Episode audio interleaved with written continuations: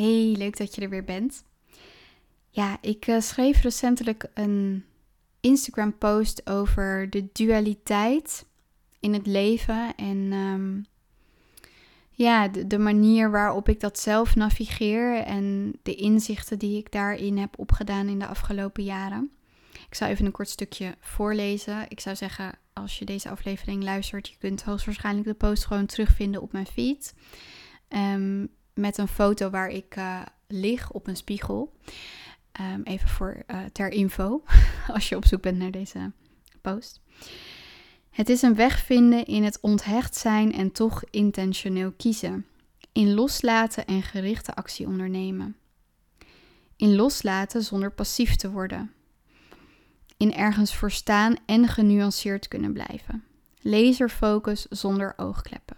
Het is onderstroom en bovenstroom, overgave en actie, naar buiten treden en naar binnen keren, zijn en doen, mannelijk en vrouwelijk, vrij en gekaderd. Het is het allemaal. Des te flexibeler je bent, des te meer je kunt meebewegen met de stroom van het leven. Je innerlijke houding is de basis voor expansie en vrijheid. Je bent los van alle overtuigingen die je ooit als waarheid aannam en in verbinding met het leven. Je balanceert niet tussen dualiteiten, maar omarmt de eenheid van het leven, inclusief de nuances en contrasten. Vanaf die plek kun je je laten meevoeren naar een nieuwe realiteit waarvan je niet eens wist dat hij bestond. Ik heb even de hele post voor je voorgelezen. En um, ja, ik uh, schreef dit op een moment, hè, dat komt dan door me heen en dan ga ik zitten en dan typ ik dit in uh, zo'n uh, eh, 35 seconden. En dan nou, misschien iets langer, weet ik ook niet. Maar dan komt dat door me heen. Hè? Dus soms vragen mensen van, oké, eh, hoe schrijf je dit soort teksten? Ja, soms vraag ik me af, schrijf ik dit? Of is dit iets wat door me heen komt? Ik heb geen idee. Het doet er ook niet toe. Maar het is natuurlijk wel iets wat, wat te maken heeft met mijn eigen beleving en hoe ik het ervaar. En misschien ook wel de inzichten dat die dualiteit dus niet zozeer een dualiteit hoeft te zijn op het moment dat je niet aan de ene kant van de polariteit vastzit. Dus wat ik vaak zie gebeuren is dat um, mensen geïdentificeerd zijn met één kant van de polariteit. Dus of dat constant doen en die kaders en um, naar buiten treden bijvoorbeeld. Dus heel erg ehm, die mannelijke energie.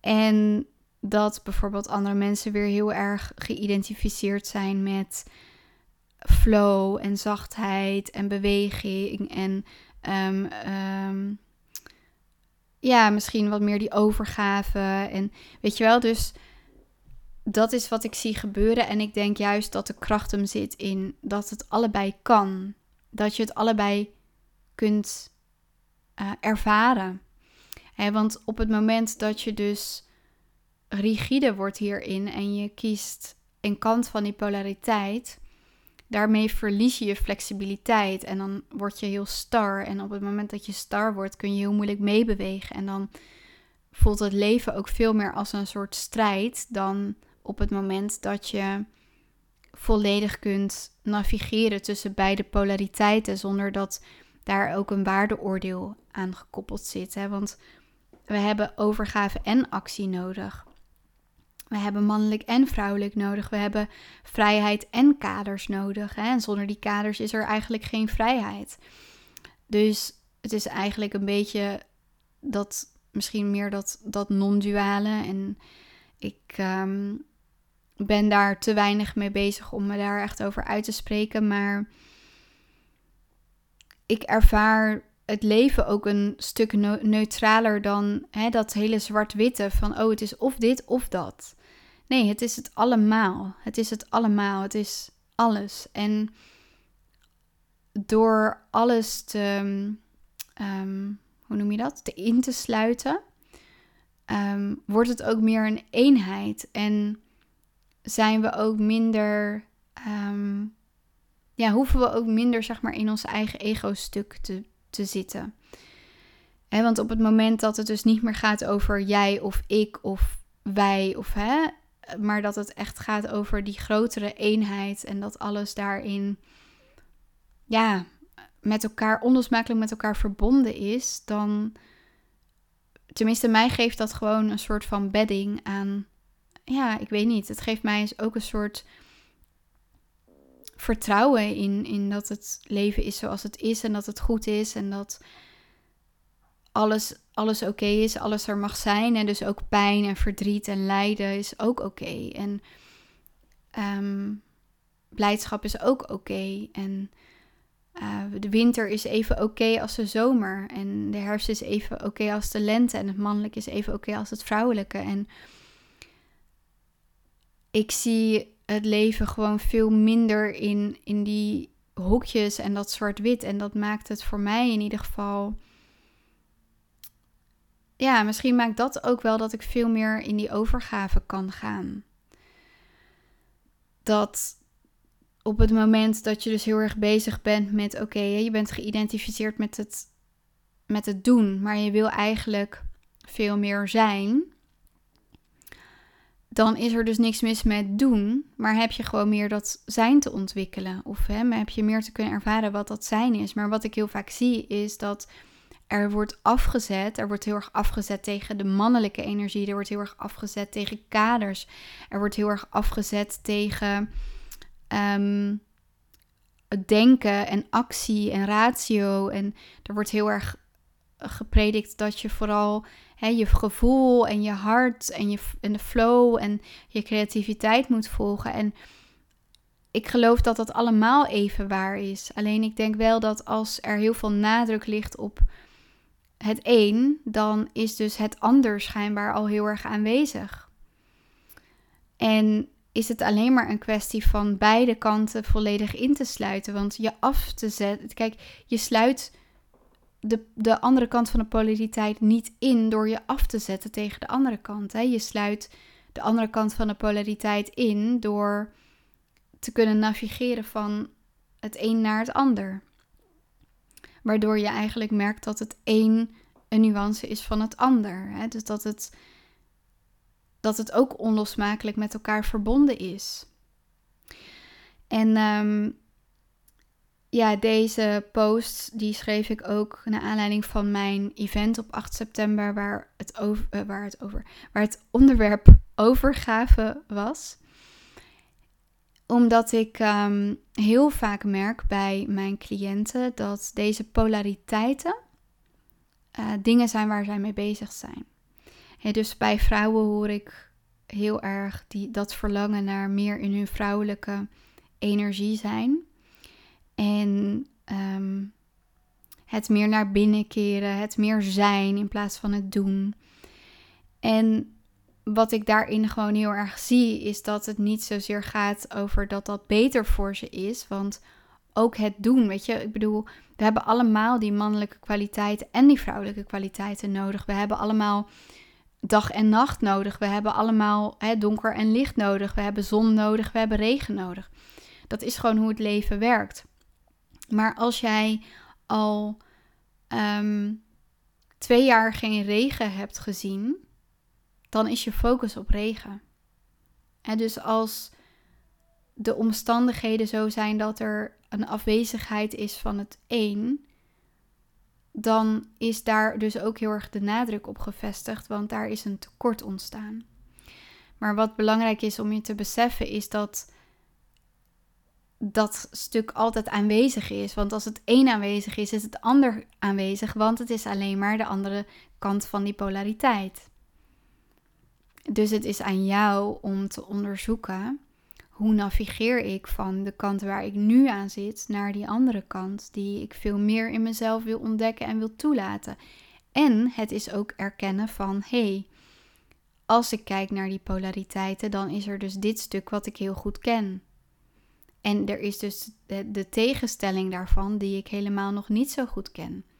Kan ik die gaan ontdekken? Sta ik mezelf toe om de andere kant van de medaille te gaan zien? En ik vind dat mega interessant en ik doe dat ook voor mezelf. Hè. Ik bestempel mezelf heel erg als introvert. En uh, mijn omgeving ook trouwens. Maar ik wil ook ontdekken, ja, wat is dan dat extraverte aan mij? Of ehm, ik ervaar mezelf vaak heel erg in mijn mannelijke energie. Ehm, ik vind het heel interessant om die vrouwelijke energie in mezelf te ontdekken. Nou ja, dat is nu al wel in een vergevorderder stadium dan dat het ooit was. Maar er zijn. Kijk, ik voel soms in die polariteit van, oh ja, die kant, ik bedoel, dat, dat mannelijke stuk van die polariteit, dat belichaam ik heel erg. Maar ik zou het ook heel fijn vinden om ook die andere kant volledig te kunnen belichamen en daarmee te kunnen spelen van de momenten waarop ik in het midden wil zitten, dan kan ik in het midden zitten. En op de momenten waarop ik in het mannelijke wil zitten, kan ik, hè, dan kan ik daarvoor kiezen. Maar op het moment dat ik dat dus niet bewust kan, omdat ik dat stuk niet belichaam, dan is het niet meer vanuit vrije keuze. Dan ben ik een soort van veroordeeld om Ehm, te kiezen voor dat wat ik zo goed ken. En ik denk dat in de maatschappij waarin wij zijn opgegroeid, hè, dat we het heel erg kennen om kaders te hebben, om richtlijnen te hebben, om die mannelijke energie te hebben, om te laten gaan over presteren en over misschien wel heel erg de materiële zaken. En dat daar een hele grote tegenbeweging ontstaat, waardoor het aan de andere kant juist heel erg gaat over alles wat daar niet mee te maken heeft. Maar ik zie dat altijd een beetje hetzelfde als hè, bijvoorbeeld tijdens de coronaperiode waren er de mensen die um, ja, en meegingen in dat wat er verwacht werd van, vanuit de overheid. En mensen die zich daar volledig tegen af gingen zetten. En hè, de, de wappies, om het maar even zo te noemen. En ja, voor mij is het gewoon niet zo zwart-wit als dat. Want er is ook nog heel veel daartussen. En ik denk dat zowel het volledig meegaan in dat wat de overheid zegt, als het je volledig afzetten tegen alle autoriteit um, van, van de overheid, of nou ja, gewoon dat, die beweging, is precies dezelfde beweging, alleen dan aan de andere kant van de polariteit. Dus het is dezelfde medaille, maar de verschillende kanten van de medaille. En er is ook nog zoiets als de hele medaille en iets als daar, hè, wat is er eigenlijk in dat middelpunt? Wat is er tussenin en wat is er als het er allemaal is? Ehm, ja, daarin kun je dan dus ook ontdekken dat je geen, je hoeft geen kant te kiezen. Je bent vrij om altijd te bewegen daarin. En die vrijheid die ontstaat pas als je alle beide kanten van die polariteit volledig kunt belichamen en ja, oordeelloos kunt omarmen. En uh, ik vind dat een mega interessante um, ontdekkingsreis. En daarom neem ik je even mee in um, hoe ik dat ervaar, maar ook in wat ik zie gebeuren en hoe ik dat bij mijn klanten zie. Ik ben ook benieuwd hoe jij dat voor jezelf ervaart. En um, ik merk ook bijvoorbeeld bij mezelf dat ik niet de drang heb om daar actief iets in te doen. In de zin van wat ik voorheen wel heel erg had. Als ik dan een probleem had of iets waarvan ik dacht, oh dat is een tekortkoming of daar heb ik nog in te leren. Bam, cursus, opleiding, boeken, alles, podcast. Een beetje die, hè, die drang eh, van, ehm, ja, ik ben niet goed genoeg, dus ik moet mezelf verbeteren met... Ehm, een podcastaflevering of meer kennis, meer dit of meer dat. Ik ben nu gewoon veel meer nieuwsgierig naar, oh, hoe zou het voor me kunnen werken? Oh, en wil ik die nieuwsgierigheid dan volgen? Oké, en waar brengt die nieuwsgierigheid me dan? En dat vind ik een hele fijne plek om ehm, deze ontdekkingsreis uh, vanuit te, te doen. Nou, laat me vooral even weten hoe jij uh, dit ervaart en of je dit ervaart. Misschien denk je wel, nou meid, ik heb echt geen flauw idee waar je het over hebt. Dat kan natuurlijk ook. Ik vind het sowieso echt super dat je weer geluisterd hebt tot hier. En uh, als je me een plezier wil doen, geef me dan uh, eh, 5 sterren op Spotify. Dat geeft mij de mogelijkheid om nog meer mensen te bereiken en te inspireren. Mocht je door mij begeleid worden persoonlijk, dan kan dat. Zorg dat je even uh, een DM stuurt of een call plant uh, via mijn website als die inmiddels weer online is. En uh, dan spreken we elkaar heel gauw. Dankjewel en tot de volgende aflevering.